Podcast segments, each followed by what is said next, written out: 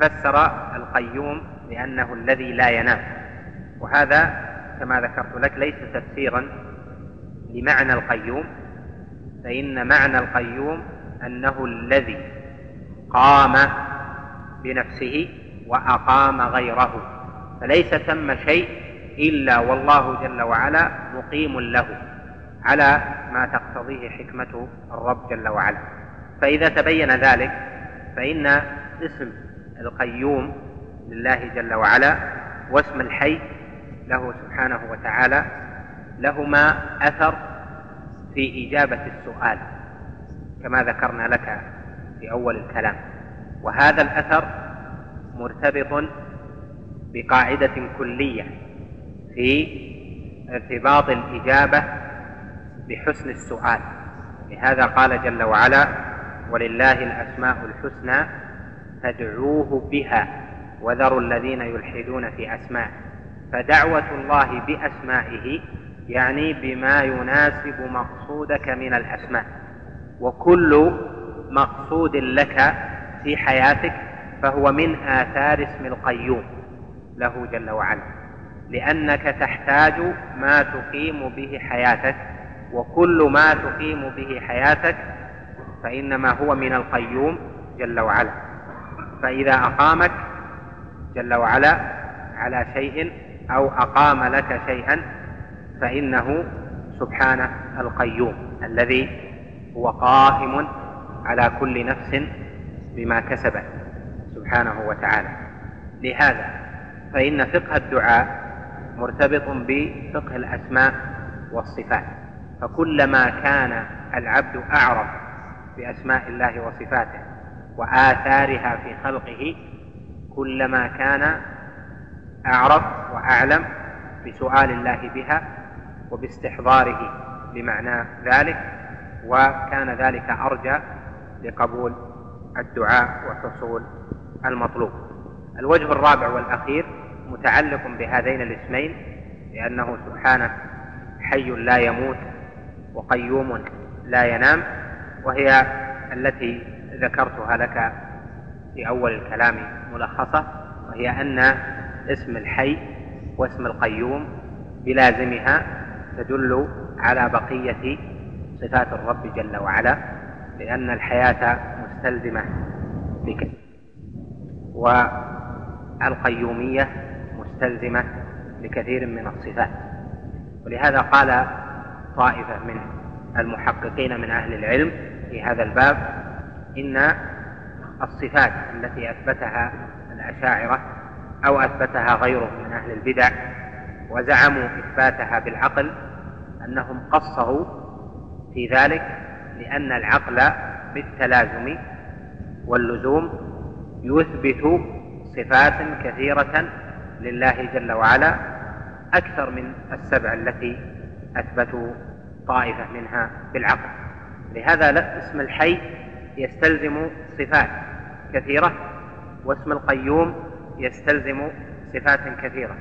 فلهذا ينبغي أن يتأمل هذا الموضع من جهة أن حياة الرب جل وعلا واسم الرب جل وعلا الحي وأن قيومية الرب جل وعلا واسمه القيوم يستلزمان عقلا عددا كثيرا جدا من الصفات في الصفات لله جل وعلا. وهذا موضع يحتج به على من يثبتون الصفات بالعقل لأن حياته سبحانه ثابتة عقلا عند الجميع وكذلك قيوميته سبحانه ثابتة عقلا عند الجميع. قال بعدها خالق بلا حاجة رازق بلا مؤونة وكما قال فيما سبق حي لا يموت قال هنا خالق بلا حاجة رازق بلا مؤونة والخلق أو خالق هذا اسم فاعل الخلق. الخلق مصدر خلق الشيء يخلقه خلقا. واسم الخالق لله جل وعلا هو على مقتضى اللغة يشمل مراتب الأولى التقدير فإن الخلق في اللغة هو التقدير كما قال جل وعلا فتبارك الله أحسن الخالقين كما قال جل وعلا وخلق كل شيء فقدره تقديرا. وأشبه ذلك فإن الخلق في اللغة يدل فإن الخلق في اللغة هو التقدير. تقدير الشيء على وفق علم المقدر. وفي هذا قول قول الشاعر أنت تفري ما خلقت وبعض القوم يخلق ثم لا يفري. تفري ما خلقت يعني تقطع ما قدرت من الأمر أو من الصناعة. وبعض القوم لعجزه يخلق يعني يقدر ثم لا يفري وهذه المرتبة ثابتة لله جل وعلا فإن الله سبحانه هو المقدر للأشياء. وخلق كل شيء فقدره تقديرا. خلق كل الأشياء فقدرها. فخلقه كان مشتملا على تقديرها شيئا فشيئا أو على تقدير ما يصلح لها. لهذا تقديره سبحانه للأشياء بلا حاجة لهذا التقدير. فإن المخلوق يقدر خشية ألا يصل إلى ما يريد. فإن تقديره للأشياء شيئا فشيئا حتى يصل إلى نهايتها. وحتى يكون ما يريد على وفق ما قدر أو على وفق ما يريده. فيحتاج إلى التقدير ليتم الأمر.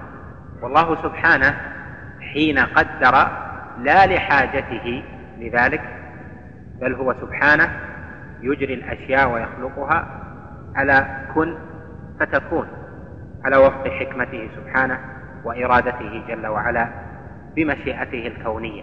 فما شاء كان وما لم يشأ لم يكن. إذا فكونه سبحانه قدر الأشياء لا لحاجة إليها إلى التقدير لا لحاجة للتقدير ولكن ليكون ذلك موافقا لحكمته سبحانه ولله جل وعلا الحكمة البالغة. كما خلق السماوات والأرض في ستة أيام وهو قادر أن يخلقها جل وعلا بمباشرة الأمر لها بكن. فتكون مرة واحدة. المرتبة الثانية من صفة الخلق أو اسم الخالق هو تصوير الشيء وتصوير الأشياء خلق لها لأنها أعظم من التقدير العام. فإذا صور الأشياء سبحانه وتعالى فقد خلقها. كما قال سبحانه هو الذي يصوركم في الأرحام كيف يشاء. وفي حديث ابن مسعود المتفق عليه قال عليه الصلاة والسلام إن أحدكم يجمع خلقه في بطن أمه أربعين يوما مضغة نطفة ثم أربعين يوما كذا مضغة ثم أربعين يوما علقة إلى آخره. فجعل هذه المراتب داخلة في الخلق. وهذا يدل مع دلالات كثيرة على أن التصوير خلق. ثم المرتبة الثالثة بل نقول المرتبة الثانية هذه وحين صور لا لحاجته سبحانه للتصوير بأنه لن ينفذ أمره إلا إذا صور كما يفعل الإنسان فإنه يصور أو الشيء الذي يريده بمعنى يركب أعضاءه أو يجعل هذا مع هذا لأنه لن يتم إلا بهذه. ولو لم يفعل هذه الخطوة لما تمت له الخطوة الأخيرة أو التي بعدها لأنه بحاجة إلى ذلك. فإذا التصوير عند المخلوق لحاجته إليه. والله سبحانه وتعالى يخلق مصورا لا لحاجته إليه. فهذه داخلة في قول المؤلف رحمه الله خالق بلا حاجة. المرتبة الثالثة البرء برء ما صور وهو إنفاذه على آخر مراحله وجعله خلقا. سويا كما يريده الرب جل وعلا. لهذا قال في آخر سورة الحشر هو الله الخالق البارئ المصور له الأسماء الحسنى فذكر الخلق العام ثم البر ثم التصوير. وهو سبحانه وتعالى حين خلق وبرأ البرية وصورها وجعلها على هذا المنوال وعلى اختلافها الإنسان والملائكة والحيوان على ظهر الأرض وبطن الأرض والماء وفي السماء إلى آخر ذلك ليس لحاجته لهم ولا لأنه يستكثر بهم بل لابتلائهم ولإقامة هذا الملكوت على العبودية. فإذا قوله سبحانه وتعالى خالق بلا حاجة هذا قول المؤلف رحمه الله خالق بلا حاجة ذلك لكمال غناه سبحانه وتعالى وكمال حمده سبحانه كما قال جل وعلا وما خلقت الجن والإنس إلا ليعبدون ما أريد منهم من رزق وما أريد أن يطعمون إن الله هو الرزاق ذو القوة المتين. وكما قال عليه الصلاة والسلام في الحديث القدسي قال الله تعالى يا عبادي إني حرمت الظلم على نفسي. إلى أن قال فإنكم لن تبلغوا ضري فتضروني ولن تبلغوا نفعي فتنفعوني. وقد قال جل وعلا يا أيها الناس أنتم الفقراء إلى الله والله هو الغني الحميد. وكذلك قوله رازق بلا مؤونة وكونه سبحانه يرزق بلا نفقة ينفقها تنقص مما عنده سبحانه. وبلا تعب فهو سبحانه يرزق من يشاء بغير حساب. وما يفتح للناس من رحمة فإنه لا ممسك لها. وقد قال سبحانه وتعالى ما يفتح الله للناس من رحمة فلا ممسك لها وما يمسك فلا مرسل له من بعده. وقال جل وعلا بل يداه مبسوطتان ينفق كيف يشاء. وفي حديث أبي ذر المعروف قال أفرأيتم ما أنفق منذ خلق السماوات والأرض فإنه لم يغض مما في يمينه شيئا. وهذا لا شك أنه صفة الرب جل وعلا. أما المخلوق فإنه إذا رزق فإنه يرزق بكلفه تعب ويرزق لحاجته أن يرزق ويرزق أيضا بمؤونة تنقص وتزيد. والله سبحانه له الملك الأعظم في ذلك.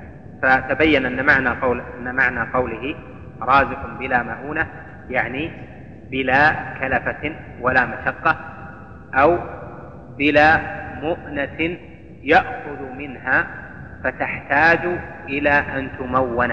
بل هو سبحانه لا ينقص ما يعطي خلقه من ملكه شيئا ولا يزيد فيه شيئا. بل هو سبحانه الرازق بلا مؤونة سبحانه وتعالى. نكتفي اليوم بهذا القدر ونكمل شاء الله تعالى في الأسبوع القادم. نعم. سؤال هل يوصف المخلوق بكونه خالقا للأشياء؟ الجواب لا. خلق الأشياء هذا مختص بالرب جل وعلا فهو سبحانه وتعالى الذي يخلق الأشياء. أما أن يوصف بكونه خالقا فنعم لكن لا يقال خالق للأشياء.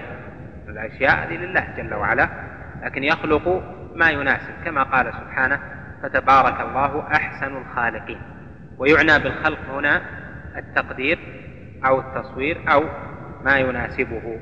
ولهذا قال عليه الصلاة والسلام في الحديث الذي رواه البخاري وغيره من أظلم ممن ذهب يخلق كخلقي فليخلقوا حبة أو ليخلقوا شعيرة.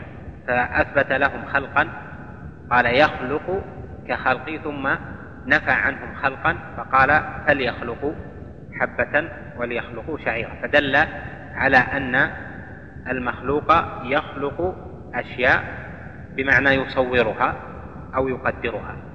أما برء الأشياء أو يعني برء الأمور بمعنى إخراج الصور وجعل فيها حياة فهذه لله جل وعلا. أما تصنيع الجمادات فهذا نوع من الخلق لأنه تقدير وتصوير. يستدل أهل التعطيل والتجسيم بقوله تعالى ليس كمثله شيء على باطله. وقد رد أهل السنة والجماعة بردود عليهم في ورود الكاف والمثل في الآية فما هو وجه استدلال المعطلة والمجسمة؟ وما هو الرد الصحيح والوجه الصحيح من ردود أهل السنة في زيادة الكاف في الآية؟ ده سبق أن ذكرناه مفصلا أظن في الدرس الماضي أو الذي قبله آه، أظن في أول الدروس أو عند قوله ولا يشبهه شيء أو ولا يشبه الأنام أو في أوله عند قوله ولا شيء مثله.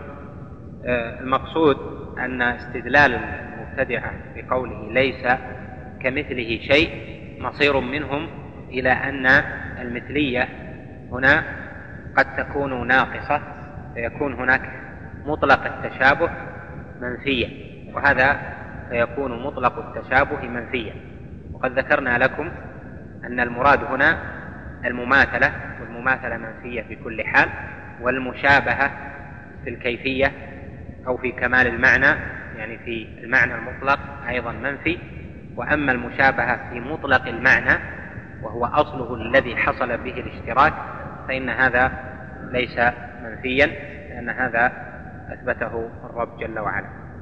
ما هو أفضل كتاب شرح أسماء الله الحسنى واعتنى بمعناها؟ أحسن ما ألف في ذلك فيما أعلم كتاب النهج الأسنى أو المنهج الأسنى. الأسنى ولا الأسمى النهج الأسمى لأحد طلبة العلم في الكويت أظني قال له الحمود. محمد محمد الحمود وهو من أنفع ما كتب في ذلك. ويليه ما فرقه الشيخ عبد الرحمن بن سعدي في كتبه من معاني الأسماء والصفات. يقول هل هل الله جل وعلا محتاج إلى عبادة العابد كما قال وما خلقت الجن والإنس إلا ليعبدون؟ ما أريد منهم من رزق وما أريد أن يطعمون. فهو غير محتاج سبحانه للرزق ولا للإطعام ولكن أثبت العبادة. ما أدري ما وجه السؤال. وما خلقت الجن والإنس إلا ليعبدون. اللام هنا هذه لام كي لام الحكمة وليست لأجل الحاجة. من صلى صلاة وهو جنب حياء فإنه يعني صلى الصلاة وهو جنب غير متوضئ غير مغتسل فيجب عليه الإعادة. ويسأل بأنه صلى بعض الصلوات وهو جنب واكتفى بالتيمم فيجب عليه أن يعيد. والسائل يعرف تفاصيل سؤاله. يجب عليه أن يعيد الصلوات جميعا وأن يستغفر الله جل وعلا من كونه صلى صلاة بلا طهارة شرعية كاملة والله جل وعلا حق أن يستحيا منه. هل يقال أن الصفات الذاتية راجعة إلى صفة الحياة والصفات الفعلية راجعة إلى صفة القيومية؟ لا لا يقال ذلك. مثل صفة الرحمة ذاتية وهي ذاتية باعتبار وفعلية أيضا ولكنها هي راجعة أيضا لقيوميته. فهو سبحانه أقام خلقه على الرحمة. كيف نعرف أن نفي صفة من صفات النقص يدل على كمال المطلق؟ أي نفي جاء في الكتاب والسنة نفي صفة عن الله جل وعلا؟ فالمراد من هذا النفي إثبات كمال الضد لأن النفي المجرد ليس مدحا وليس كمالا. نفي الصفة عن المتصف أو عمن يتصف بها أو عمن يقال أو تنسب إليه قد يكون لنقصه ولعجزه لعدم علمه ولعدم قدرته. فيقال مثلا فلان لا يسيء إلى أحد لأجل أنه ضعيف. حتى الكافر المشرك المعاند لا يسيء إليه لضعفه. ويقال فلان مثلا ليس كثير الكلام. قد يكون لعجزه عن الكلام بما ينفع. ولهذا قال الشاعر في ذم قبيلة من القبائل قال قبيلة لا يغدرون بذمة ولا يظلمون الناس حبة خردل. لا يغفرون بذمة قبيلة لا يغفرون بذمة لعجزه.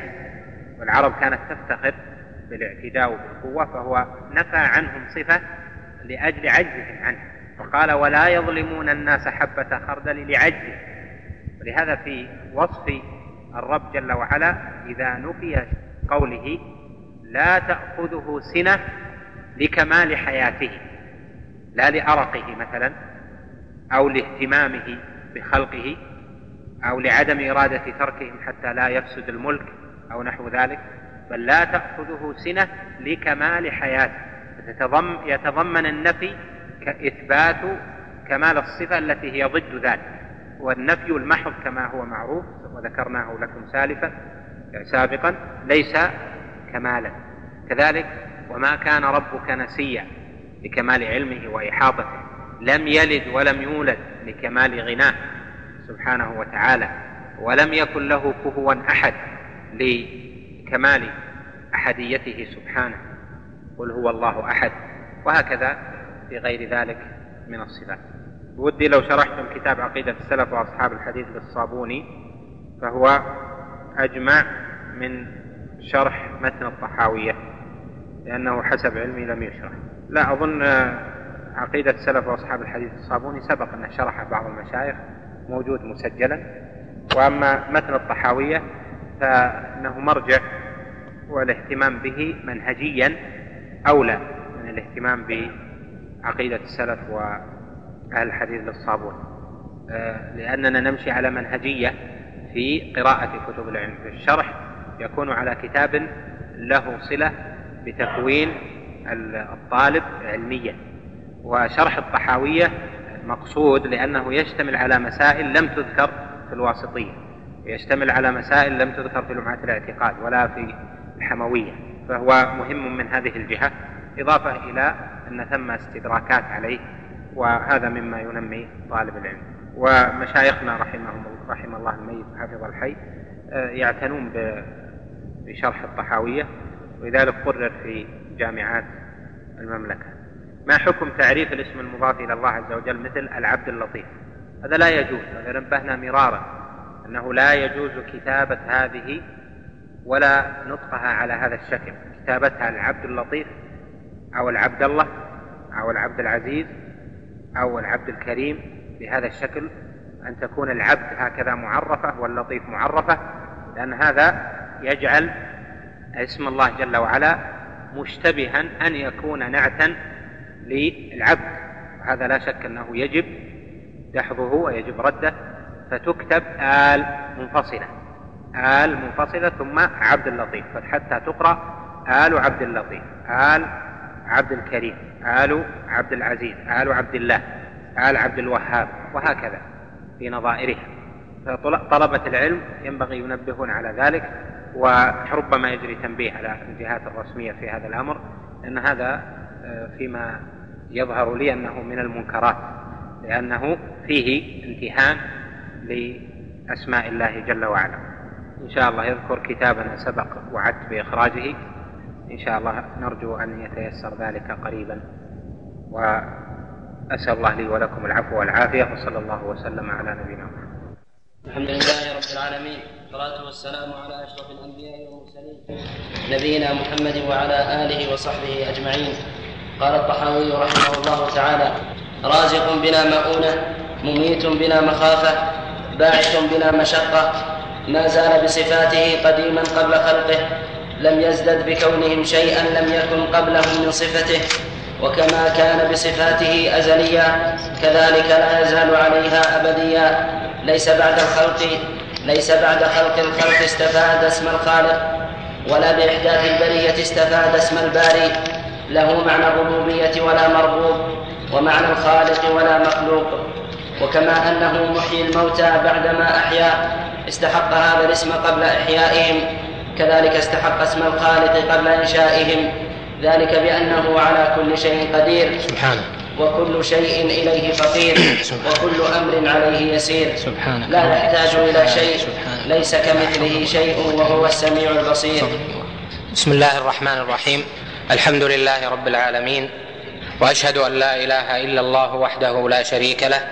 وأشهد أن محمدا عبد الله ورسوله. صلى الله عليه وعلى آله وصحبه وسلم تسليما كثيرا إلى يوم الدين. أما بعد فهذه تكملة وصلة لما تقدم الكلام عليه من بيان معاني جمل هذه العقيدة النافعة عقيدة العلامة أبي جعفر الطحاوي رحمه الله تعالى. ووقفنا عند قوله مميت بلا مخافة باعث بلا مشقة وهذا كالجمل التي قبله فيها إثبات كمال الرب جل وعلا وأنه في كمالاته وصفاته غير مماثل لخلقه بل ليس كمثله شيء وهو السميع البصير. فذكر فيما تقدم جملة من صفات الرب جل وعلا وأنه في اتصافه بتلك الصفات لا يماثل المخلوق الذي إذا اتصف بصفة فهو لحاجته لمقتضى تلك الصفة. ولضعفه ولافتقاره. والله جل جلاله متصف بصفات الكمال التي مرجعها إلى أنه سبحانه هو الغني الحميد هو الغني غير محتاج غير محتاج لمقتضى صفاته وغير محتاج سبحانه لأثر تلك الصفة بل هو سبحانه وتعالى فيما يفعل يفعل لحكمة لا لحاجة جل وعلا. فخلقه سبحانه وتعالى للخلق بلا حاجة ورزقه سبحانه وتعالى لهم لحاجتهم إليه لا لحاجته سبحانه وتعالى إليهم. كما مر معنا على حد قول الله جل جلاله يا أيها الناس أنتم الفقراء إلى الله والله هو الغني الحميد. وجميع صفات الكمال ترجع إلى صفة الغنى وصفة الحمد له سبحانه. وإلى هذين الاسمين العظيمين الغني والحميد سواء في ذلك صفات الجلال أو صفات الجمال صفات الربوبية أو الصفات التي ترجع إليها معاني العبودية للرب جل جلاله. قال هنا مميت بلا مخافة يعني أنه سبحانه يميت من شاء أن يميته ويفقد من شاء أن يفقده الحياة لا لخوف من هذا الذي أفقده الحياة أن يعتدي على مقام الرب جل وعلا ولكن لحكمته سبحانه فهو الذي أحيا وأمات وهو الذي أفقر وأغنى سبحانه لحكمته البالغة العظيمة فهو فيما يحيي لم يحيي لحاجة وفيما أمات سبحانه ما أمات لمخافه بل هو سبحانه الذي يحيي ويميت لحكمة بالغة. فقال هنا مميت بلا مخافة والمخلوق البشر أو غير البشر يعتدي بالإماتة على من يخاف من شره. وهذا دليل النقص في المخلوق لأنه لأنه لما لم يكن دافعا عن نفسه إلا بهذا الفعل صارت في المخلوق هذا من صفات النقص في أنه يميت لمخافة وهذا لا يدخل فيه معنى مشروعية الجهاد لأن هذا لمعنى آخر لا يتعلق بالمخلوق بل يتعلق بحق الله جل وعلا وإقامة دينه وإعلاء كلمته. فهذا معنى قوله مميت بلا مخافة. وأنه سبحانه باعث بلا مشقة باعث الخلق بعد موتهم سواء في ذلك بعث المكلفين أو بعث غير المكلفين بلا مشقة تلحقه سبحانه. ما خلقكم ولا بعثكم إلا كنفس واحدة وهذا لكمال صفات الرب جل وعلا. إذا تبين لك ذلك فإن في هذه الجملة من كلامه مسائل اعني قوله مميت بلا مخافة. فيها مسائل. المسألة الأولى أن مميت اسم فاعل من أمات المتعدي والاسم للرب جل وعلا المميت. هو سبحانه المحيي المميت والمميت صفة كمال مع قرينتها المحيي المميت اسم كمال مع قرينه المحيي فهو سبحانه الموصوف بكونه أحيا وأمات جل وعلا. المسألة الثانية معنى مميت أي خلق الموت في من شاء. سبحانه يعني جعل من شاء من خلقه ميتا بعد أن كان حيا والموت عند جمهور أهل السنة ومن وافقهم من غيرهم مخلوق موجود وهو الذي يعبرون عنه بأن الموت صفة وجودية وذلك لقول الله جل وعلا الذي خلق الموت والحياة ليبلوكم أيكم أحسن عملا فجعل الموت مخلوقا وتسلط عليه الخلق وهذا يدل على أنه موجود خلق الموت وخلقه يدل على أنه صفة وجودية. وكذلك ما جاء في السنة من أحاديث كثيرة فيها أن الموت يؤتى به يوم القيامة على هيئة كبش فيذبح في قنطرة بين الجنة على قنطرة بين الجنة والنار. فهذا يدل على أن الموت موجود وله صفة الوجود وهذا له أدلة أيضا كثيرة تدل على ما ذكرنا من أن الموت ليس عدما للحياة وإنما هو وجود لصفة ليست هي الحياة فالحياة وصف صفة وهو وجود لصفة أخرى. وهذه الصفة الأخرى هي الموت. هذا هو الذي قرره جمهور أهل السنة. وقال غير أهل السنة من الفلاسفة وبعض من وافقهم من أهل السنة وهو قول أهل الكلام فيما ذكروه في كتبهم الخاصة بالكلام. قالوا الموت في تعريفهم للموت الموت عدم الحياة عما من شانه ان يكون حيا. وهذا التعريف تجده في كثير من كتب التفسير التي ينحو أصحابها منحى أهل الكلام حتى إن بعض المنتسبين لمنهج السلف ظن أن هذا التعريف يمشي فنقل بعض النقولات فيها هذا التعريف. وهذا هو تعريف أهل الكلام والفلاسفة يقولون الموت عدم الحياة عما من شأنه أن يكون حيا. ويجيبون عن الآية في قوله خلق الموت والحياة بأن الخلق هنا بمعنى التقدير فيكون عندهم معنى الآية الذي قدر الموت والحياة ليبلوكم أيكم أحسن عملا. وهذا مصير منهم إلى أن الموت عدم محض. وهذا خلاف الأدلة الكثيرة من السنة وأيضا من القرآن التي تدل على أن الموت حياة أخرى. لهذا نقول لمن مات إنه في الحياة البرزخية وليس في عدم.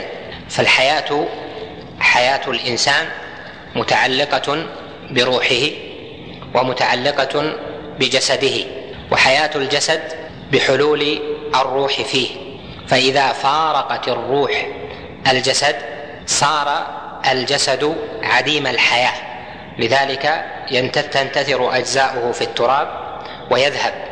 وأما الروح وهي داخلة في جملة تسمية الإنسان إنسانا أما الروح فهي مخلوقة للبقاء لا للعدم. لهذا إذا قيل مات يعني صار جسمه لنوع للعدم أو صار جسمه للفناء وأما روحه فهي للبقاء لكن لها حياة تخصها. والجسد عند أهل السنة في القبر له تعلق بالروح فإن الحياة البرزخية للروح عند أهل السنة والجسد تبع لها تبع للروح ليست الحياة للروح فقط بل هي للروح والجسد تابع. عكس الحياة الدنيا فإن الحياة فيك الآن للجسد والروح تبع. فيألم الجسد فتألم الروح وهكذا يسعد الجسد فتسعد الروح إلى غير ذلك من التفصيل.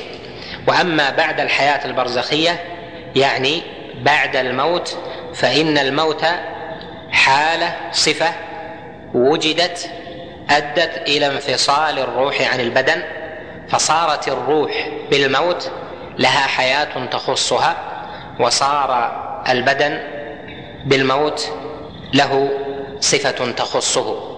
وبين هذا وهذا تعلق. يدلك هذا على صحة ما اختاره أئمة أهل السنة بما دلتهم عليه الأحاديث وظاهر القرآن من أن الموت صفة توجد وليس عدما محضا بل هو موجود له خصائصه. والموت في الآية مخلوق خلق الموت والحياة. وقولهم إن الموت والحياة هنا. تسلط عليها الفعل خلق فيكون بمعنى التقدير.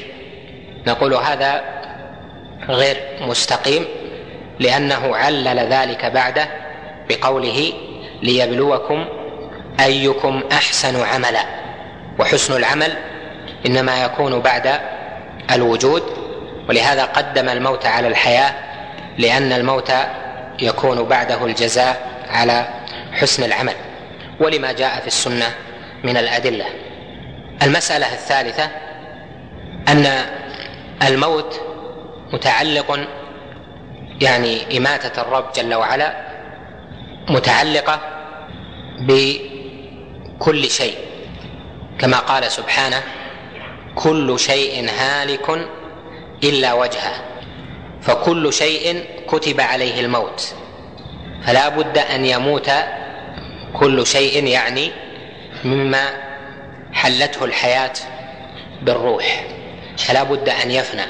وهناك ما استثني مما يموت.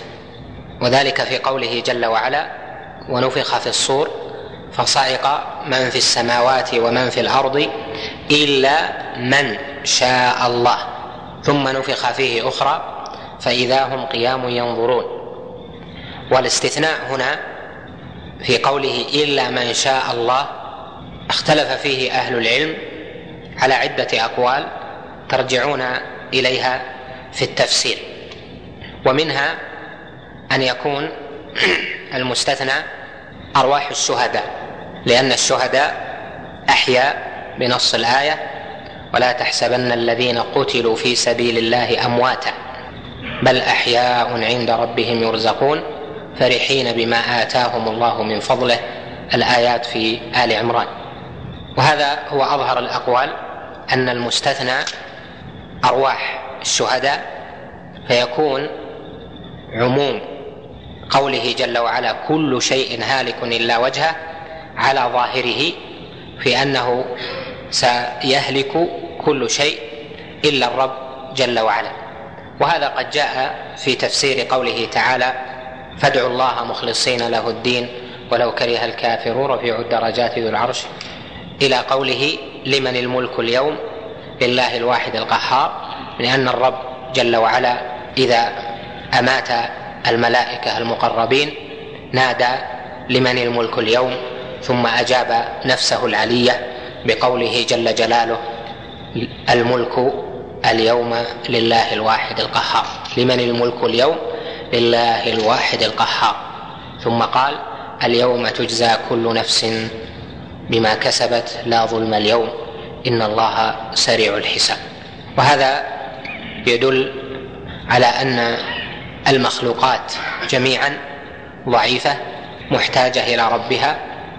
فكل من استحضر صفة الموت الذي سيحل به وسيحل أيضا بغيره من المخلوقات فإنه يظهر له عظم الرب جل وعلا الذي يمسك السماوات والأرض أن تزولا وأنه سبحانه وتعالى هو المحيي المميت وأنه جل وعلا هو الواحد الأحد الغني الكامل في صفاته ونعوت جلاله وعظمته.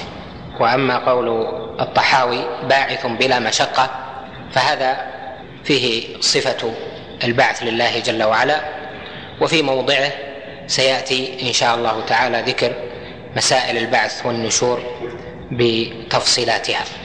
قال بعدها ما زال بصفاته قديما قبل خلقه لم يزدد بكونهم شيئا لم يكن قبلهم من صفته. قوله ما زال بصفاته قديما قبل خلقه إلى آخره أراد به أنه جل وعلا لم يزل بصفاته متصفا بصفاته قبل أن يخلق الخلق فصفاته سبحانه ثابتة له قبل وجود المخلوقات المنظورة التي تراها الآن والتي لا تراها مما هو موجود. قال ما زال بصفاته قديما. هذا فيه بحث مر معكم في اسم القديم أو في وصف الله جل وعلا. بالقدم. وقوله قبل خلقه أراد به أنه سبحانه ما اتصف بالصفات هذه بعد أن خلق الخلق كما سيأتي في قوله ليس بعد خلق الخلق استفاد اسم الخالق ولا بإحداث البرية استفاد اسم الباري. ثم قال لم يزدد بكونهم شيئا لم يكن قبلهم من صفته. تركيب هذه الجملة كالتالي لم يزدد شيئا جل وعلا من صفاته لم يزدد شيئا بكونهم يعني بوجودهم وإيجادهم وخلقهم لم يزدد شيئا.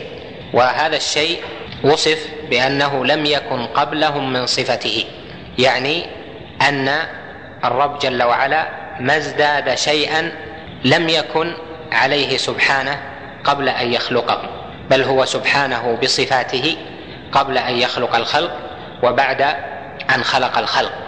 لأنه لا يجوز أن يعطل الرب جل وعلا من صفاته لأن تعطيل الرب جل وعلا من صفاته نقص والله سبحانه متنزه عن النقص بأنواعه. وهذا الكلام منه مع ما بعده متصل. ولذلك سنذكر ما يتعلق به من المسائل متتابعا بعد بيان معنى هذه الجمل الآتية. قال وكما كان بصفاته ازليا كذلك لا يزال عليها ابديا. يعني أن صفات الرب جل وعلا كما أنه لم يزل عليها وهو أول بصفاته فهو أيضا جل وعلا آخر بصفاته سبحانه وتعالى. فصفات الرب جل وعلا أبدية أزلية لا ينفك عنه الوصف في الماضي البعيد ولا في المستقبل بل هو سبحانه وتعالى لم يزدد بخلقه شيئا لا في جهة الأولية ولا في جهة الآخرية بل هو سبحانه وتعالى لم يزل بصفاته اولا سبحانه واخرا. قال ليس بعد خلق الخلق استفاد اسم الخالق ولا بإحداث البرية استفاد اسم الباري. أراد بذلك أنه جل وعلا من أسمائه الخالق ومن صفاته الخلق قبل أن يخلق فلم يصر اسمه الخالق بعد أن خلق بل هو اسمه الخالق جل وعلا قبل أن يخلق. ولم يكن اسمه الباري بعد أن برأ الخليقة بل اسمه الباري قبل أن يبرأ الخليقة. لهذا قال بعدها له معنى الربوبية ولا مربوب ومعنى الخالق ولا مخلوق. فقبل أن يكون قبل أن يكون سبحانه خالقا للخلق يعني قبل أن يكون ثم مخلوق هو خالق وقبل أن يكون ثم مربوب هو جل وعلا الرب سبحانه وتعالى. قال وكما أنه محيي الموتى بعدما أحيا استحق هذا الاسم قبل إحيائهم فهو سبحانه المحيي قبل أن يكون ثم ميت قبل أن يميت الموتى هو المحيي وكذلك هو المستحق لاسم الخالق قبل إنشائهم ذلك بأنه على كل شيء قدير. هذه الجمل مترابطة في الدلالة على المعنى الذي ذكرته لك وهذا المعنى الذي دل عليه كلام الطحاوي يرتبط به مسائل مهمة جدا في هذا الموضع.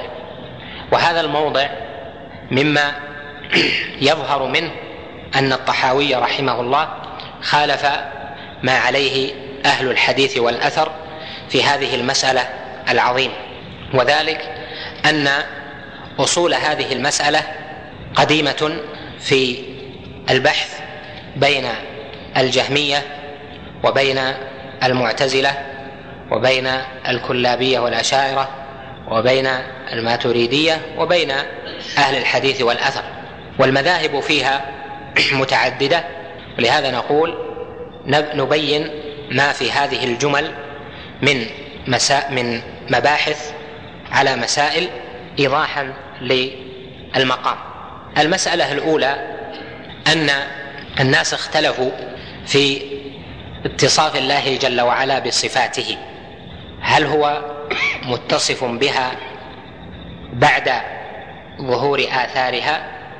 وأسماء الرب جل وعلا سمي بها بعد ظهور آثارها أم قبل ذلك؟ على مذاهب. المذهب الأول هو مذهب المعتزلة والجهمية ومن نحى نحوهم من أنه جل وعلا لم يصر له صفات ولا أسماء إلا بعد أن ظهرت آثارها. فلما خلق صارت له صفة الخلق وصار من أسمائه الخالق. وذلك على أصل عندهم وهو أن أسماء الله جل وعلا مخلوقة. فلما خلق سماه الناس الخالق وخلق له اسم الخالق. فعندهم أن الزمان لما ابتدأ فيه الخلق أو الرزق أو الإنشاء صار بعده له اسم الخالق. وقبل ذلك لم يكن له هذا الاسم ولم تكن له هذه الصفات. فقبل أن يكون ثم سامع لكلامه فليس هو سبحانه متكلما. فلما ظهر سامع لما خلق سامعا لكلامه خلق كلاما عند المعتزلة والجهمية فأسمعهم إياه فصار له اسم المتكلم أو صفة الكلام لما خلق من يسمع كلامه. كذلك صفة الرحمة على تأويلهم الذي يؤولونه أو أنواع النعم والمنعم والمحيي والمميت كل هذه لم لا تطلق على الله عندهم إلا بعد أن وجد الفعل منهم. على الأصل الذي ذكرته لكم عنهم أن الأسماء عندهم والصفات مخلوقة. المذهب الثاني هو مذهب الأشاعرة والماتريدية ومذهب طوائف من أهل الكلام في أن الرب جل وعلا كان متصفا بالصفات وله الأسماء ولكن لم تظهر آثار صفاته ولا آثار أسمائه بل كان زمنا طويلا طويلا معطلا عن الأفعال جل وعلا. له صفة الخلق وليس ثم ما يخلقه. له صفة الفعل ولم يفعل شيئا. له صفة الإرادة وأراد أشياء كونية مؤجلة غير منجزة وهكذا. فمن أسمائه عند هؤلاء الخالق ولكنه لم يخلق. ومن أسمائه عندهم أو من صفاته الكلام ولم يتكلم. ومن صفاته الرحمة بمعنى إرادة الإنعام وليس ثم منعم عليه. ومن أسمائه المحيي وليس ثم من أحيا. ومن أسمائه البارئ وليس ثم من برأ. وهكذا حتى أنشأ جل وعلا وخلق هذا الخلق المنظور الذي تراه من الأرض والسماوات وما قص الله علينا في كتابه. ثم بعد ذلك ظهرت آثار أسمائه وصفاته. فعندهم أن الأسماء والصفات متعلقة بهذا العالم المنظور دون غيره هذا العالم المنظور أو المعلوم دون غيره من العوالم التي سبقته. وقالوا هذا فرارا من قول الفلاسفة الذين زعموا أن هذا العالم قديم أو أن المخلوقات قديمة متناهية أو دائمة من جهة الأولية جهة القدم مع الرب جل وعلا.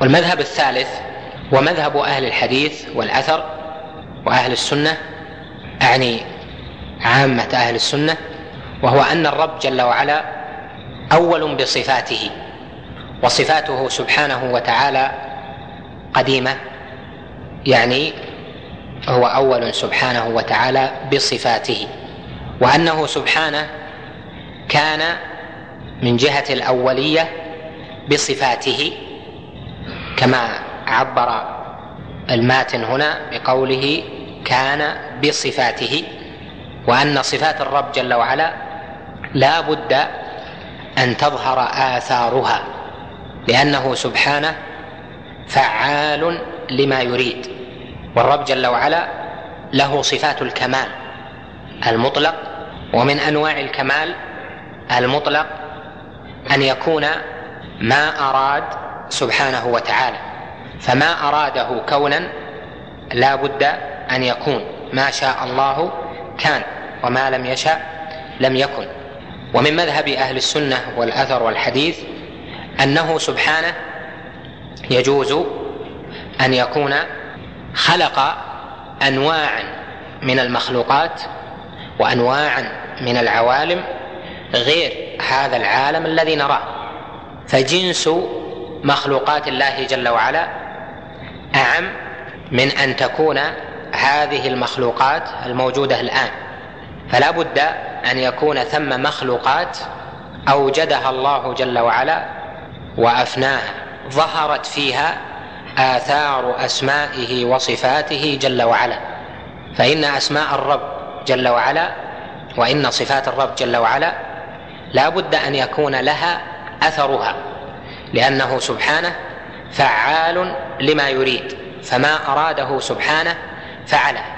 ووصف نفسه بهذه الصفة على صيغة المبالغة الدالة على الكمال في بقوله فعال لما يريد فما أراده سبحانه كان.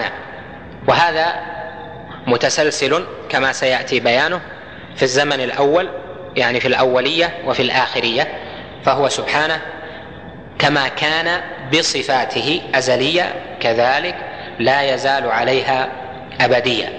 وهذا منهم يعني من أهل الحديث والأثر والسنة هذا القول منهم لأجل إثبات الكمال للرب جل وعلا. وقول المعتزلة والجهمية فيه تعطيل الرب جل وعلا عن أسمائه وصفاته. يعني أن الله جل وعلا كان بلا صفات وبلا أسماء وأنه لما فعل وجدت صفات الرب جل وعلا. وهذا نسبة النقص للرب جل وعلا لأن الصفات هي عنوان الكمال. والله سبحانه وتعالى كمالاته بصفاته. وأما قول الأشاعرة والماتريدية ومن نحى نحوهم فهذا أيضا فيه وصف الرب جل وعلا بالنقص. لأن أولئك يزعمون أنه متصف ولا أثر للصفة ومعلوم أن هذا العالم المنظور الذي تعلقت به عندهم الأسماء والصفات هذا العالم إنما وجد قريبا فوجوده قريب وإن كان وإن كانت مدته أو عمره طويل لكنه بالنسبة إلى الزمن بعامة الزمن المطلق لا شك أنه قريب. لهذا قال عليه الصلاة والسلام إن الله قدر مقادير الخلائق قبل أن يخلق السماوات والأرض بخمسين ألف سنة وكان عرشه على الماء جل وعلا. فتقدير فالتقدير كان قبل أن يخلق هذه الخلائق قبل أن يخلق السماوات والأرض بخمسين ألف سنة وهي مدة محدودة. والله جل وعلا لا يحده زمان فهو أول سبحانه وتعالى ليس قبله شيء جل وعلا. وفي وفي هذا إقرار لأنه من جهة الأولية يتناهى الزمان في إدراك المخلوق. وننتقل من الزمان المنسوب إلى الزمان المطلق وهذا تتقاصر عقولنا عنه وعن إدراكه. وأما هذا العالم المنظور فإنه محدث وحدوثه قريب.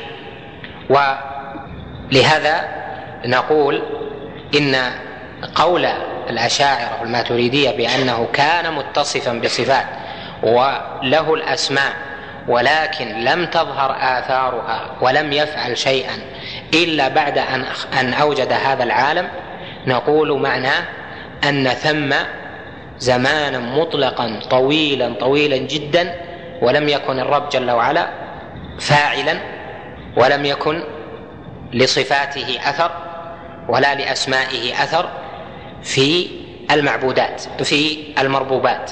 ولا بد أن الله جل وعلا له سبحانه وتعالى من يعبده جل وعلا من خلقه. ولا بد أن يكون له جل وعلا مخلوقات لأنه سبحانه فعال لما يريد. وهذه صفة مبالغة مطلقة في الزمن كله لأن ما اسم موصول وأسماء الموصول تعم ما كان في حيز صلتها. بقي أن يقال إن قولهم أراد ولكن إرادته كانت معلقة غير منجزة ونقول هذا تحكم لأن هذا مما لا دليل عليه إلا الفرار من قول الفلاسفة ومن نحى نحوهم بقدم هذا العالم المنظور. وهذا الإلزام لا يلزم أهل الحديث والسنة والأثر لأننا نقول إن العوالم التي سبقت هذا العالم كثيرة متعددة لا نعلمها الله جل وعلا يعلمها. وهذا ما قيل إنه يسمى بقدم جنس المخلوقات أو ما يسمى بالقدم النوعي للمخلوقات وهذه من المسائل الكبار التي نكتفي في تقريرها بما أوردنا لك في هذا المقام المختصر. المهم أن يتقرر في ذهنك أن مذهب الحديث أهل الحديث والأثر في هذه المسألة لأجل كمال الرب جل وعلا وأن غير قولهم فيه تنقص للرب جل وعلا بكونه معطلا عن صفاته أو بكونه سبحانه وتعالى معطلا أن يفعل وأن تظهر آثار أسمائه وصفاته قبل خلق هذا العالم المعلوم أو المنظور. المسألة الثانية أن الطحاوي رحمه الله كأنه يميل إلى المذهب الثاني وهو مذهب الماتريدية وهذا من أغلاط هذه العقيدة التي خالف بها فيها مؤلفها منهج أهل الحديث والأثر. هذا ظاهر كلامه كما اعترف به الشارح ومن شرح هذه العقيدة من الماتريدية قرروا هذا الكلام على أن كلامه موافق لكلام أبي منصور الماتريدي والأشعري ومن نحى نحوه. المسألة الثالثة متصلة بهذا البحث وهذا البحث من أصعب المباحث التي ستعرض لك في شرحنا لهذه العقيدة لكن نعرضها بشيء من الوضوح والاختصار وهو ما يسمى بمسألة التسلسل والتسلسل معناه أنه لا يكون شيء إلا وقبله شيء ترتب عليه أو لا يكون شيء إلا وبعده شيء ترتب عليه. والتسلسل على اعتبارات. فالجهة الأولى المعتبرة في بحث التسلسل صفات الرب جل وعلا. وللناس في التسلسل المتعلق بصفات الرب جل وعلا مذاهب. الأول من قال إن الرب جل وعلا يمتنع تسلسل صفاته في الماضي ويمتنع تسلسل صفاته في المستقبل. فلا بد من أمد يكون قد ابتدأ في صفاته أو قد ابتدأ ابتدأت صفاته ولا بد أيضا من زمن تنتهي إليه صفاته. وهذا هو قول الجهمية والعياذ بالله وقول طائفة من المعتزلة كأبي هذيل علاف وجماعة منهم. والمذهب الثاني وأن التسلسل في الماضي ممتنع والتسلسل في المستقبل لا يمتنع. يعني أن الاتصاف بالصفات لا بد أن يكون له زمن ابتدا فيه. وهذا الزمن قريب من خلق هذا العالم الذي تعلقت به الأسماء والصفات أو الذي ظهرت فيه آثار الأسماء والصفات. وفي المستقبل هناك تسلسل في الصفات يعني عدم انقطاع للصفات. وهذا هو قول أهل الكلام والأشاعرة والماتريدية. والقول الثالث مذهب الثالث ومذهب أهل السنة والحديث هو أن التسلسل ثابت في الماضي وثابت في المستقبل وثبوته في الماضي غير متعلق بخلق تتسلسل فيهم الصفات أو تظهر فيهم آثار الصفات. بل يجوز أو نقول بل تتنوع التعلقات باختلاف العوالم. وفي المستقبل يعني في الآخرة هو جل وعلا آخر بصفاته سبحانه وتعالى فهناك التسلسل في الجهة في جهة المستقبل.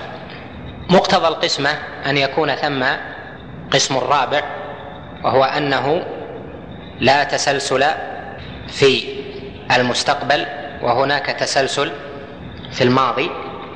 هذا مقتضى السبر والتقسيم في القسمة وهذا لا قائل به من المذاهب المعروفة. يعني لا يعرف أن أحدا قال بهذا القسم. إذا تبين لك ذلك فهذه المسألة بحثت اولا مسألة التسلسل قبل بحث المسألة الأولى التي ذكرناها لكم من جهة مذاهب الناس في الصفات تعلقها بالخلق يعني الثلاثة مذاهب اللي ذكرناها. فلما بحث التسلسل نتج منه البحث الأول. ولهذا إذا أردت أن تفهم جهة التسلسل تفهم أثرها الذي ذكرته لك في الأول لأن كل من هاتين المسألتين مرتبط بالمسألة الأخرى. الجهة الثانية من الاعتبار تسلسل في المخلوقات تسلسل في صفات الخالق ذكرناه. والجهة الثانية من الاعتبار التسلسل في المخلوقات. وتسلسل في المخلوقات للناس فيه مذهبان. فيما أعلم الأول تسلسل في الماضي وهذا ممتنع عند عامة الناس إلا الفلاسفة الذين قالوا إنه لا عالم إلا هذا العالم وأن هذا العالم لم يزل في الماضي وأنه ما من علة فيه إلا وهي مؤثرة لمعلول فيه أيضا وأن هذا العالم ترتب تسلسل فيه الآخر عن الأول والثاني عما قبله وليس ثم غيره. نقول إن هذا من جهة هذه الجهة عامة الناس عدا الفلاسفة على ما ذكرنا يعني اتفق عليها معتزلة وأهل السنة على أن التسلسل تسلسل المخلوقات في الماضي إنه ممتنع إلا قول الفلاسفة. والفلاسفة كما هو معلوم من قالوا بهذا القول خارجون عن الملة لأنهم يرون قدم هذا العالم مطلقا وأن المؤثر فيه الأفلاك بعلل مختلفة يبحثونها المذهب الثاني إيش قلنا إحنا؟ ان قلنا في الماضي. وفي المستقبل تسلسل في المخلوقات غير ممتنع. تسلسل في المخلوقات غير ممتنع عند الجمهور. إلا في خلاف جهم وبعض المعتزلة في أن تسلسل الحركات والمخلوقات في المستقبل أيضا ممتنع وأنهم لا بد أن يصيروا إلى عدم أو إلى عدم تأثير إما عدم محض أو عدم تأثير. الجهة الثالثة في الاعتبار في التسلسل تسلسل الأثر والمؤثر والسبب والمسبب والعلة والمعلول. وهذا لا بد من النظر فيه. وأيضا نقول أشهر المذاهب فيه اثنان. الأول مذهب نفاة التعليل والعلل والأسباب الذين يقولون لا أثر عله في معلولها ولا أثر لسبب في مسبب وإنما يفعل الله جل وعلا عند وجود العلة لا لكونها علة. وهذا هو مذهب نفاة التعليل كقول الأشاعرة قدريه وابن حزم وجماعات.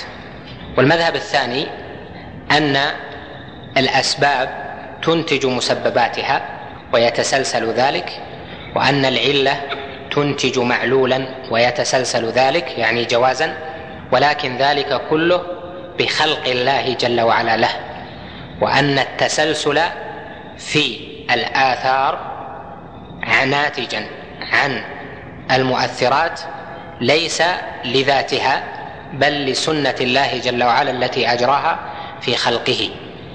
ولن تجد لسنة الله تبديلا ولن تجد لسنة الله تحويلا المسألة الرابعة قوله وكما كان بصفاته ازليا كذلك لا يزال عليها ابديا وهذا القول في قوله كان بصفاته هذا حق لأن أهل السنة يعبرون عن الله جل وعلا بأنه سبحانه وتعالى بصفاته فيعبرون بالباء المقتضية للمصاحبة لأن الله جل وعلا لم تنفك عنه صفاته وكما كان بصفاته سبحانه وتعالى فلم يكن سبحانه وتعالى ولا صفة بل كان بصفاته. والباء هنا للمصاحبة يعني أنه سبحانه وتعالى كان ازليا بصفاته التي هو جل وعلا موصوف بها.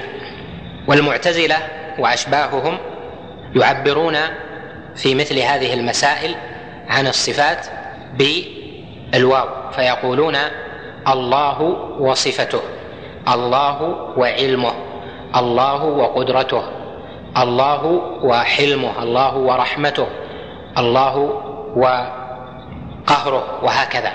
فيعبرون بالواو لأن الصفة عندهم منفكة عن الموصوف فعندهم أن الصفة غير ملازمة للموصوف وليست قائمة به. ولهذا بحث الشارح عندك مسألة هل الصفات غير الذات والاسم هل هو عين المسمى ونحو ذلك عرض لها بما تستفيده من بحثه لأنه نوع من الاستطراد. لكن ننبهك إلى أن قوله كان بصفاته هو الاستعمال الذي يستعمله أهل السنة. ولا نقول الله جل وعلا وقدرته. فإن الله سبحانه فعل وقدرته مثلا. أو نقول الله جل وعلا وعلمه. هذا استعمال الواو في هذا المقام لا يسوغ بل تستعمل الباء. فنقول الله جل وعلا بعلمه الله سبحانه وتعالى بقدرته لأن الباء تدل على المصاحبة لأن هذه الصفات قائمة بذات الرب جل وعلا. قوله أزليا مر معنا البحث فيه وأنه منحوت من كلمة لم يزل. المسألة الخامسة قوله في آخر الكلام ذلك بأنه على كل شيء قدير وكل شيء إليه فقير وكل أمر عليه يسير لا يحتاج إلى شيء ليس كمثله شيء وهو السميع البصير. هذا تعليل لما مر. ذلك بأنه على كل شيء قدير على إحياء الموتى وعلى إفنائهم وعلى رزق الناس رزق المخلوقات وجميع ذلك.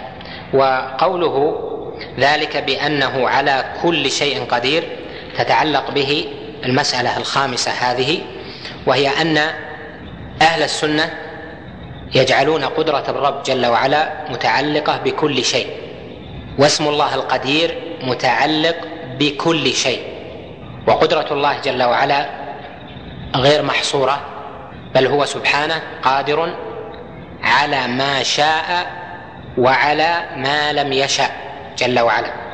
وهذا هو مذهب أهل الحديث والسنة و به جاء القرآن العظيم. فكل ما في القرآن تعليق القدرة بكل شيء. والله على كل شيء قدير. إن الله كان على كل شيء مقتدرا. وكان الله على ذلك وكان الله على كل شيء وكان الله على ذلك قديرا. وإن الله على كل شيء قدير. ونحو ذلك.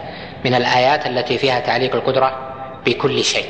أهل البدع وأهل الكلام يعلقون القدرة بما يشاؤه الرب جل وعلا فيقولون تعلق قدرة الرب جل وعلا بما يشاءه ولذلك ترى أنهم يعدلون عما جاء في القرآن بقول والله على كل شيء قدير إلى قولهم والله على ما يشاء قدير لأن القدرة عندهم متعلقة بما شاءه الله وليست متعلقة بما لم يشأه فعندهم قدرة الله تتعلق بما شاء أن يحصل. أما ما لم يشأ أن يحصل فإنه لا تتعلق به القدرة. فإذا قيل هل الله قادر على أن لا يوجد على أن لا يوجد إبليس فيقولون لا غير قادر. هل الله قادر على أن لا توجد السماوات؟ يقولون لا غير قادر لأن القدرة عندهم متعلقة بما شاءه جل وعلا. وما لم يشأه في كونه وفي ملكوته مما لم يحصل بعد أو مما حصل خلافه فإن القدرة غير متعلقة به. ولذلك يقول قائلهم ليس في الإمكان أبدع مما كان. لأن القدرة عندهم متعلقة بما شاءه الله جل وعلا. وهذا القول باطل بوضوح وذلك لدليلين. أما الأول فإن الذي جاء في القرآن كما ذكرنا لك تعليق القدرة بكل شيء في الآيات التي ذكرت لكم طرفا منها. الثاني أن الله جل وعلا قال في سورة الأنعام قل هو القادر على أن يبعث عليكم عذابا من فوقكم أو من تحت أرجلكم أو يلبسكم شيعا ويذيق بعضكم بأس بعض. ولما نزلت هذه الآية تلاها عليه الصلاة والسلام فقال قل هو القادر على أن يبعث عليكم عذابا من فوقكم. قال عليه الصلاة والسلام أعوذ بوجهك. ثم تلا أو من تحت أرجلكم فقال عليه الصلاة والسلام أعوذ بوجهك. ثم تلا أو يلبسكم شيعا ويذيق بعضكم بأس بعض. قال عليه الصلاة والسلام هذه أهون. والله جل وعلا لم يشأ أن يبعث على هذه الأمة عذابا من فوقها أو من تحت أرجلها فيهلكهم بسنة بعامة بل جعل بينهم بأسهم شديد. لحكمته سبحانه وتعالى العظيمة العلية. فدلت الآية على أن قدرة الله جل وعلا تتعلق بما لم يشأ أن يحصل. قل هو القادر على أن يبعث عليكم عذابا من فوقكم وهذا لم يشأه الله جل وعلا ومع ذلك تعلقت به القدرة. وهذه من الكلمات التي يكثر عند أهل العصر استعمالها فيتنبه على أنها من آثار قول أهل الاعتزال. في بعض الأحاديث جاء والله على ما يشاء قادر وإني على ما أشاء قادر وهذا الجواب عنه معروف لأنه متعلق بأشياء متعلق بأشياء مخصوصة وليست تعليقا للقدرة بالمشيئة أو أن يقال قدرته على ما يشاء لا تنفي قدرته على ما لم يشأ جل وعلا. نكتفي بهذا القدر وأسأل الله جل وعلا لي ولكم التوفيق والسداد. بسم الله. بسم الله الرحمن الرحيم. الحمد لله رب العالمين والصلاة والسلام على أشرف الأنبياء والمرسلين نبينا محمد وعلى آله وصحبه أجمعين. قال العلامة أبو جعفر الطحاوي رحمه الله تعالى خلق الخلق بعلمه وقدر لهم أقدارا وضرب لهم آجالا ولم يخف عليه شيء قبل أن يخلقهم وعلم ما هم عاملون قبل أن يخلقهم وأمرهم بطاعته ونهاهم عن معصيته. وكل شيء يجري بتقديره ومشيئته ومشيئته تنفذ. لا مشيئة للعباد إلا ما شاء لهم فما شاء لهم كان وما لم يشأ لم يكن. يهدي من يشاء ويعصم ويعافي فضلا ويضل من يشاء ويخذل ويبتلي عدلا. وكلهم يتقلبون في مشيئته بين فضله وعدله. سبحانه وهو متعال عن الأضداد والأنداد لا راد لقضائه ولا معقب لحكمه ولا غالب لأمره. آمنا بذلك كله وأيقنا أن كلا من عنده. بسم الله الرحمن الرحيم. الحمد لله وأشهد أن لا إله إلا الله وحده لا شريك له وأشهد أن محمدا عبد الله ورسوله صلى الله عليه وعلى آله وصحبه وسلم تسليما كثيرا. أما بعد فأسأل الله جل وعلا أن يعيذني وإياك من علم لا ينفع ومن قلب لا يخشع ومن عين لا تدمع ومن دعوة لا يستجاب لها. اللهم إنا نعوذ بك أن نزل أو نزل أو نضل أو نضل أو نجهل أو يجهل علينا. اللهم فأعذنا. شرع الطحاوي رحمه الله في ذكر بعض صفة الرب جل وعلا المتعلقة بقدره السابق وبمشيئته العامة وأنه سبحانه ذو العلم الكامل المطلق الذي لا يعتريه نقص بوجه من الوجوه وأنه سبحانه الذي أجرى كل شيء على وفق ما أراد ما شاء كان وما لم يشأ لم يكن. وهذه المسائل التي سمعتم والجمل متصلة ببحث القدر والمؤلف الطحاوي لم يجمع الكلام في القدر في موضع واحد بل فرقه في نحو ثلاثة مواضع. ولهذا كان من عيوب هذه الرسالة أنها جرت على وفق ما تيسر لمؤلفها والترتيب ينفع المتلقي. آه، لكن بالنسبة لنا سنجري على وفق ما جرى هو عليه ونذكر ما يفيد إن شاء الله في كل موضع بحسبه. قال هنا خلق الخلق بعلمه وقدر لهم اقدارا وضرب لهم آجالا. لا شرحنا. اللي هي إيش؟ وكل أمر يصير لا يحتاج إلى شيء. لا هذه آه، ليس كمثله شيء وهو السميع البصير. تكلمنا عنها في أول المقام. وكل أمر عليه يسير لا يحتاج إلى شيء. يعني واضحة مع ما سبق إن شاء الله. قال خلق الخلق بعلمه. هو سبحانه خلق المخلوقات عالما بها غير جاهل بما هي عليه وما سيؤول إليه أمرها. وأورد هذه الجملة طحاوي مخالفا أهل الاعتزال الذين لا يجعلون العلم مصاحبا لصفات الله جل وعلا ولأفعاله. وعلم الله سبحانه وتعالى صفة ملازمة. هو سبحانه وتعالى عالم بعلم وخالق بعلم وقادر بعلم ورحيم بعلم.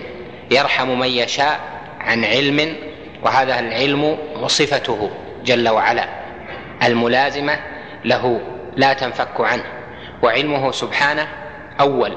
قبل خلق الخلق كان عالما بما يصلح لهم وما تقتضيه حكمته فيهم. لهذا قال خلق الخلق بعلمه. ففي هذا رد على المعتزلة من جهة الصفات. وفيه رد أيضا على القدرية أعني بهم الذين ينفون علم الله السابق قدرية الغلاة نفاة القدر الذين يقولون إن العلم حدث بعد وجود الأشياء فهو سبحانه علم بعد وقوع الأشياء فخلق الخلق ففعل الناس فعلم جل وعلا ذلك واستدلوا على هذه النحلة بقوله جل وعلا ليعلم الله من يخافه بالغيب وبقوله جل وعلا في تحويل القبلة وما جعلنا القبلة التي كنت عليها إلا لنعلم من يتبع الرسول ممن ينقلب على عقبيه. ونحو ذلك من الآيات التي فيها تعليل بعض الأحكام الكونية أو الأحكام الشرعية وحصول الأشياء بأن يعلم الله جل وعلا ذلك. ذلك ليعلم. قال جل وعلا في في هذه الآية وما جعلنا القبلة التي كنت عليها إلا لنعلم. فزعموا أن هذه الآيات وأشباه هذه الآيات تدل على أنه جل وعلا لا يعلم الأشياء إلا بعد أن تقع. وأهل السنة مثبتون لعلم الله جل وعلا الكلي بالأشياء ولعلم الله جل وعلا التفصيلي بأجزاء الأشياء وحوادثها المفردة. وإذا علل شيء في القرآن أو في السنة بكي يعلم الله جل وعلا ذلك الشيء فإن معناه عندهم لما دلت عليه الأدلة معناه حتى يظهر علم الله في في الأشياء في هذه الأمور ليقع حسابه وليقع تعذيبه أو تنعيمه أو نحو ذلك. يعني إظهار ما تنقطع به الحجة. فقوله سبحانه وما جعلنا القبلة التي كنت عليها إلا لنعلم من يتبع الرسول ممن ينقلب على عقبيه يعني إلا ليظهر علمنا في من اتبع الرسول ممن انقلب على عقبيه لأن الله جل وعلا لو آخذ العباد وآخذهم وحاسبهم على علمه السابق فيهم لكان لهم حجة فهو سبحانه جعل هذه الأشياء مع علمه السابق بما سيفعله العباد لكي يظهر علمه فيهم. فجاء اذا هنا لكي في قوله لنعلم حتى يظهر العلم فيكون ذلك حجة على الناس. وهذا ظاهر بين لأن علم الله سبحانه وتعالى بالأشياء قبل وقوعها. قال سبحانه ألم تعلم أن الله يعلم ما في السماء والأرض وفي الآية الأخرى ما في السماوات والأرض؟ وهذا يدلك على أن الله سبحانه وتعالى علم قبل الكتابة. والكتابة متأخرة على العلم. وهذا الذي يجعلنا نقول أن علم الله جل وعلا أول بالأشياء. وهنا يقيد ذلك بعلم الله جل وعلا بما أراده سبحانه. فإذا أراد الله جل وعلا شيئا علم تفصيلاته. وخلق الشيء خلق المخلوقات وخلق الأشياء بعلمه. يعني على وفق علمه سبحانه وتعالى بها وهو عالم بها غير جاهل بها. ولهذا قرأتم ما في أو قرأ بعضكم ما في مناظرات المعتزلة مع أهل السنة في أن المعتزلة يقولون في أسماء الله جل وعلا إنه سبحانه مثلا عالم بغير علم وخالق بغير خلق وحي بغير حياة وهكذا. يجعلون الصفات مخلوقات منفصلة فعندهم العلم هو المعلومات.